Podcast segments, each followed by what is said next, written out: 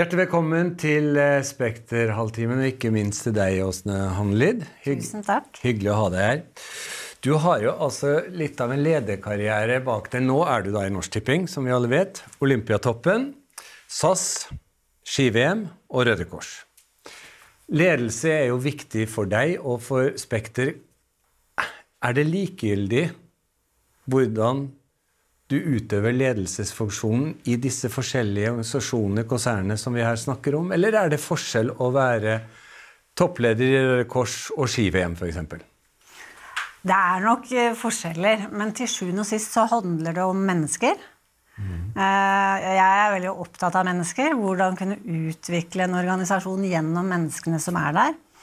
Det som kanskje er den største forskjellen når du er i en frivillig organisasjon, som f.eks. Røde Kors eller, eller, idretten, så har du mange tillitsvalgte som sitter i styrer og stell, mens når du er i en, en eh, organisasjon som enten VM på ski eller Norsk Tipping, så har du et styre som er på en måte utpekt. Det er mm. kortere beslutningsveier i, i, i en, et aksjeselskap da, eller et statlig selskap kontra en frivillig organisasjon. For da må du favne liksom alle. Men menneskene, det er de jeg er opptatt av. Og vi mennesker er ikke så ulike om vi jobber her eller der. Nei. Er du tilhenger av flat struktur? Jeg er tilhenger av å forstå organisasjonen jeg skal inn i. Altså, ikke, jeg er ikke en sånn som kommer inn og skal være liksom kost første dagen. Jeg må sette meg skikkelig, ha respekt for både menneskene som er der, kompetansen, erfaringen. Det å forstå organisasjonen. Mm. Involvere, ha prosesser. Jeg, jeg, har Hele min tid tilbake fra idretten så sitter nok verdibasert ledelse veldig djupt i meg. da. Ja. Det å få fram det beste i hver enkelt og sammen i team for at vi, vi kan skape resultater. da. Mm. Men jeg er ikke noe sånn autoritær hierarkisk. Jeg kan nok være streng av og til, men, men eh, jeg har mye mer tro på prosesser og involvering. Og fagforeningene, hvor viktige er de? De er kjempeviktige. Trepartssamarbeidet. Altså, jeg mener jo at det er noe av det som hele velferdsstaten Norge er eh, tufta på. Og det å ha partene i arbeidslivet eh, for å, Og det blir enda viktigere nå framover, mener jeg. Mm.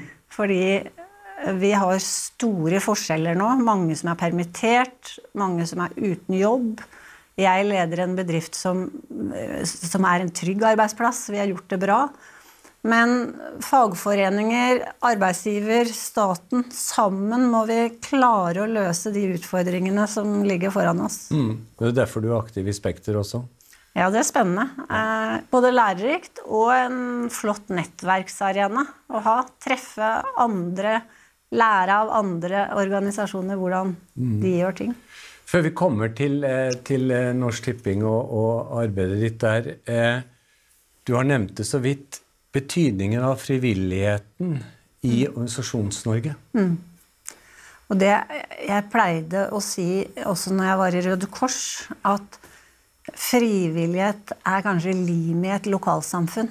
Enten du er her i Norge, eller du er i en flyktningleir, eller du er i Afghanistan. Mm. Jeg har møtt mange, vært rundt om i verden. Så, så er liksom den kraften som ligger i frivilligheten. Og jeg er bekymra også nå fordi veldig mange frivillige organisasjoner, både innenfor idrett, humanitær og kultursektoren, har, har ikke kunnet drive aktivitet gjennom pandemien. Nei.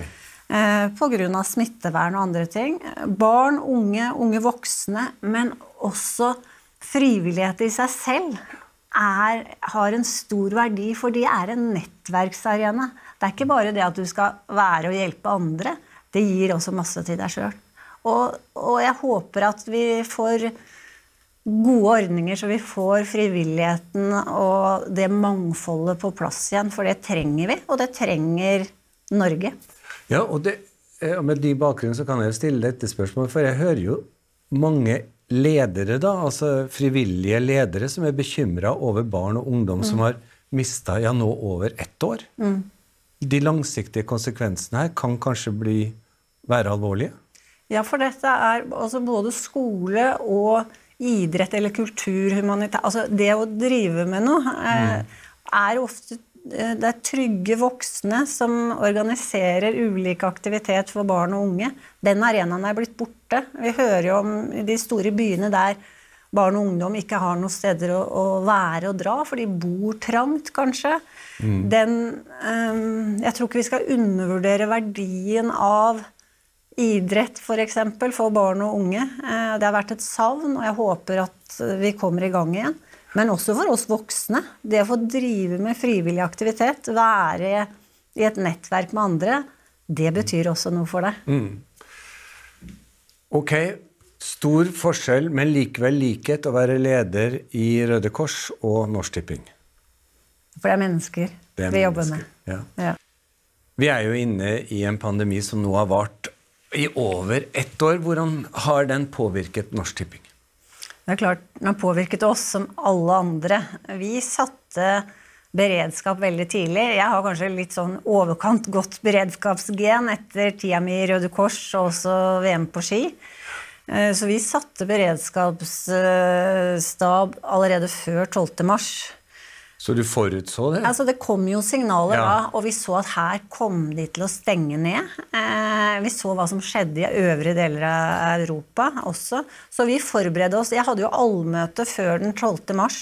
For det visste okay. jeg at det ville være det siste allmøte allmøtet jeg kunne ha. Jeg hadde møte med alle mellomlederne mine som sa at nå må vi regne med at vi må, må jobbe hjemmefra, men dette skal vi klare.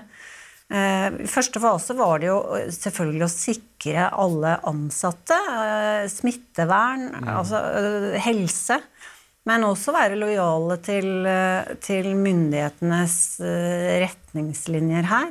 Vi er jo et tillitsbasert samfunn ja. der vi stoler på myndighetene. Vi stoler på hverandre og skulle gjøre dette sammen. Men vi la jo da ganske tidlig scenarioer og planer, for det vi så Vi visste jo ikke hvor lenge dette ville vare. Hvilke utslag det ville ha på, på, på driften vår. Eh, det å sikre stabil drift. Eh, vi måtte jo lede på en annen måte. Mm. Mellomlederne har det vært kjempekrevende for eh, å lede desentralisert. Organisasjonen og de ansatte har gjort en formidabel jobb og tilpasset seg, vært endringsdyktige. Men vi, måtte, vi begynte altså da med å ha eh, ledermøter hver dag i tillegg til beredskapsmøter. Hadde, jeg hadde videoblogger som jeg sendte mm. til hele organisasjonen annenhver dag. Vi rigga om hele intranettet vårt, sånn at eh, vi ble mye mer kommunikative, mye mer informasjon. Eh, for at de skulle være trygge, de som eh, var der ute, på å se at dette skulle vi klare i fellesskap. Etter hvert så begynte vi jo også eh, Vi hadde jo allmøter tidlig, digitale allmøter. Vi hadde til og med digital trening mm -hmm. for ikke å bli sittende stille så lenge. Jeg begynte å innføre gåmøter, altså der du kunne gå ute. Der jeg, selv om vi ikke fikk være på arbeidsplassen, Jaha der jeg kunne treffe uh, mine ledere én og én. Og der vi oppfordret Altså, jeg har gjort en rekke sånne ting for å prøve å gjøre situasjonen mm, bedre, da. For du, til, i starten så syntes jo alle det var vår, og det var egentlig litt greit ja. med dette hjemmekontoret. Ja. Men den pendelen har snudd nå. Passelig lei nå? De fleste er passelig lei. Men det virker, det virker uh, på det du sier, som om, om du og dere var, var, veldig godt forberedt. Altså, det er jo noe som er kritisert etter pandemien, var jo kanskje på flere ledd i samfunnet helt til topps. Manglende beredskap. Men du hadde beredskapen under kontroll? Ja, Du vet jo ikke hva, hva du skal løse framover, men vi har trent veldig på dette å ha beredskaps, eh, en beredskapsstab med en beredskapsleder. Det er ikke meg. Vi har rullert på i toppledergruppa hvem som har vært beredskapsleder hver måned, sånn at slitasjen ikke skal bli for stor på vedkommende. Mens jeg som øverste leder har jo måttet være tilgjengelig hele tiden. Men jeg tror på det, og det sitter nok i meg veldig, det at du må Vi, vi trener jo på ulike scenarioer lenge før pandemien. Ja. og vi visste jo ikke at det ble en pandemi, men vi kunne bruke de samme mekanismene på det vi har trent på i annen beredskapssituasjon. Og så tar jo dette Dette var jo ikke en beredskapskrise på en uke. Nei. Dette er jo en lang, lang Og, sak. og, og ut fra det du nå sier, hva, hva kan du ta med deg? Hva kan du bruke om fem år av det du har vært gjennom nå det siste året? Det er masse vi har lært. Eh, Men det er klart, dette med å ta beredskap på alvor, eh, sette beredskapskrisestab tidlig, eh, det å også begynne å se på ulike scenarioer, eh, og ikke bare panisk I starten måtte vi bare sikre drifta, men så kunne vi se på mer langsiktig hva, hvilke utfall kunne vi vurdere for å begynne å jobbe med også tiltak. Sånn at du hele tiden, selv om du ikke vet hva som ligger foran deg, da, så, så er du på en måte forberedt til å kunne gjøre ting. Eh, Det er ikke, et svart, det er ikke en svart vegg. Og det tror jeg også skaper en Jeg tror det er viktig i sånne situasjoner at vi som ledere klarer å vise at, at vi har en plan. Dette kommer til å gå bra. Sammen skal vi få det til. Og også er åpen og transparent på, på informasjon da, og hvordan man tenker og gjør ting. Eh, har, du, har du vært nødt til å permittere, eller har du beholdt alle ansatte i jobb? Vi, de fleste har vi klart å holde i jobb. Det var en liten periode når alt var stengt, og vi måtte stenge kantina. Som Ja. vi permitterte noen i kantina. Men eh, ellers så, når vi åpna opp igjen, tok vi de tilbake igjen. Og vi i Vi er jo heldige. Eh, Vi det er en sikker og god arbeidsplass. Litt humoristisk, kanskje, så er det to eh, pol som har gått, godt under eh, eh, Monopol som har gått, godt under eh, pandemien. Det ene er Vinmonopolet, og, da, og også Norsk Tipping. Ja. Men vi har vært opptatt av da øh, Vårt samfunnsoppdrag er jo at vi skal, vi skal levere spill i trygge og ansvarlige rammer.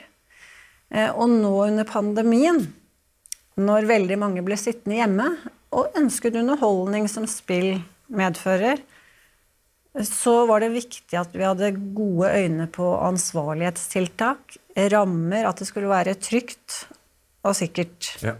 Det var neste spørsmålet mitt. Fordi at i likhet med en flere Spekter-virksomheter, så har jo dere et veldig klart samfunnsoppdrag, og det forhindrer negative sider ved spill. Har det vært vanskeligere ut fra det du sier? Altså at vi, ja, vi sitter hjemme. Vi har hatt en veldig oppmerksomhet rundt det. For vi ser at når folk sitter hjemme, har behov for underholdning, som spill da er, så har vi måttet ha et veldig øye på om det er flere som får en usunn spillatferd. Vi ser at vi har flere kunder, flere digitale kunder, men veldig mange har spilt lotterier, som vi sier er egentlig en, en, en mer eh, lavrisiko-type spill. Eh, men så har vi fulgt med på nettspillene, og også når sportsspill åpna igjen. De lå jo stengt en stund, for det var jo ikke idrettsarrangementer. Så har vi satt inn nye ansvarlighetstiltak for å bremse spillatferden. Eh, altså vi rett og slett setter omsetningsdempende tiltak inn for at det skal være tryggere. Og så er det jo også en, en, en bieffekt da, av vårt samfunnsoppdrag, å ha spill i trygge, ansvarlige rammer, er at hvis vi klarer å gjøre det godt og er effektivt drevet, så går alle pengene tilbake til frivilligheten. Ja. Og vi vet at eh, frivilligheten, idrett, kultur og humanitære organisasjoner, de trenger det sårt nå. Og vi leverer et bedre resultat i pandemiåret enn året før, og det vil frivilligheten trenge. Ja. Du, du var så vidt innom det, men jeg spør likevel. Har, har spillemønsteret endret seg? Er det det du sa med, med lotteri? Altså har, er det andre spill som nå dominerer i dag enn for 15 måneder siden? Nei, det er mer det at vi har fått et ytterligere hopp når det gjelder bruk av Altså at du bruker mobilen. Nettopp. At digitalandelen har gått opp. Ja. Vi er nå nesten oppe i 80% digital andel. Okay. Men vi har hatt en veldig stor vekst egentlig på lotterier, og også på flaks. Men også på sport og, og, og mer nett, eh, raske spill, da, som vi må være ha, ha stort fokus på når det gjelder ansvarlighetstiltak. Har, har konkurransen fra utlandet blitt påvirka av pandemien? Her har vi hatt modige politikere Ja. gjennom året som har satt inn nye, eh, strengere reguleringstiltak mot de uregulerte. Vi har fått kringkastingsloven, som skal forby reklame på norske skjermer fra uregulerte aktører. Betalingsformidlingsforbudet. Og dette har gjort at nå er det flere som da spiller i trygge, ansvarlige rammer hos Norsk Tipping enn i utlandet. Og det du var inne på i sted, samholdet blant de ansatte er blitt styrka i løpet av pandemien. Ja, vi merker nå Vi savner jo kollegaer. Vi savner å se hverandre. Eh, dette med kompetanse, erfaringsdeling Vi har vært så heldige at smittetrykket på Innlandet har vært ganske lavt nå, så vi er nå en tredjedel som får være på jobb. Ok. Og det er litt disse hverdagstingene som vi nå tar som nesten altså du, du kjenner en sånn glede bare få lov å gå inn på arbeidsplassen din, stå ved kaffemaskinen, møte kollegaer. Det er en rekke sånne ting som eh, vi tok som en selvfølge. Gå i kantina. Som vi nå setter utrolig pris på. Kanskje vi er der snart. Kanskje vi er der snart. Og nå har jo vi startet da. Det går igjen, og det vet jeg det er mange andre bedrifter som gjør. Vi jobber nå med en, vår type gjenåpningsplan. Da. Ja. Og hvordan blir morgendagens arbeidsplass? Få høre. Fordi eh, vi kommer ikke tilbake der vi var før eh, korona. Post korona blir noe annet. Eh, og, og hvordan kan vi da som arbeidsplass tilrettelegge dette på gode måter? For jeg mener jo at fremdeles må det være sånn at eh, du har en jobb, eh, så arbeidsgiver må ha og, og lederne Det kan ikke være sånn at er helt, alt er fritt, mener jeg, da. Det må styres i kommunikasjonen mellom leder og medarbeider, den fleksibiliteten. For vi vil trenge å være sammen, ikke minst for å bygge kultur, utvikle strategi, jobbe i team. Men samtidig så tror jeg vi kommer til å ha hybridløsninger der du noen dager jobber hjemme, Ja. og noen dager jobber på, på kontoret. Og så har jeg lyst til å si også det at der er det jo veldig forskjell i arbeidslivet. Vi som jobber på kontor, har mulighet til den fleksibiliteten. De som jobber i tjenesteytende næringer, har ikke den fleksibiliteten. Og det er viktig at vi nå også, når vi kommer tilbake, at, at vi da klarer å finne gode arbeidsformer, enten man har den type jobb eller den type jobb. Eh, For jeg er redd for at forskjellene kan bli større i samfunnet. Eh, Og her igjen så blir trepartssamarbeidet så viktig. Vi må kanskje gjøre endringer i arbeidsmiljøloven for å tilpasse en ny arbeidshverdag. Mer fleksibelt, tenker du, eller? mer- Ja, mer, mer fleksibelt. Og det er jo masse ting som spiller inn. Alt fra forsikringer Jeg husker jeg sjekka det i starten. Dekker vår arbeidsgiverforsikring når Ja. alle sitter hjemme? Jeg ville være trygg på det. ikke sant? Til dette med hviletid. Altså Hvis du heller vil hente barn i barnehagen og heller jobbe litt seinere utover kvelden, så kan du plutselig ikke begynne å jobbe om morgenen igjen. Det er en del sånne ting som er forelda i nåværende arbeidsmiljølov. Ja. Uh, og det vet jeg at nå kommer jo Røe Isaksen med noen uh, forslag til endringer, men jeg tror der kommer det flere endringer. Og så må partene i arbeidslivet jobbe sammen for å finne gode løsninger. Så, det, så det kommer noe godt ut av pandemien nå? Det tror jeg helt klart. Og rammebetingelsene, for hvis du ser, ser fremover for Norsk Tipping, da eh, vil rammebetingelsene bli, bli enda Jeg tenker på liksom fra politisk hold, du har vært inne på dette med spillmonopolet, trussel eller muligheter eller konkurranse fra utlandet. Ser du for deg noen fremtidige endringer for rammebetingelsene for Norsk Tipping? Det er hele tiden et press på og diskusjoner rundt enerettsmodellen, som er altså norsk pengespillpolitikk. Eh, Jeg er helt overbevist om at for det norske samfunnet så er det best med en streng regulering. Ikke for Norsk Tippings del. Vi vil kunne operere i om det blir annen regulering. Men for samfunnet og spillproblematikk så mener jeg det er viktig. Jeg tror kravene til oss, som i andre statlige selskap, er at uh, vi må bli enda mer effektive. Vi må, vi, vi må klare å produsere mer for mindre. Uh, det tror jeg de fleste møter. Og så går tempoet veldig opp. Digitaliseringen er ikke bare opp mot kundene våre, men den går også i måten vi jobber på.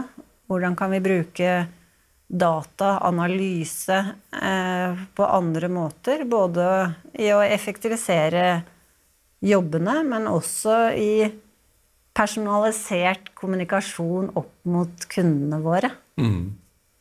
Er du allerede i gang med å skrive den nye dreieboka for en normal hverdag?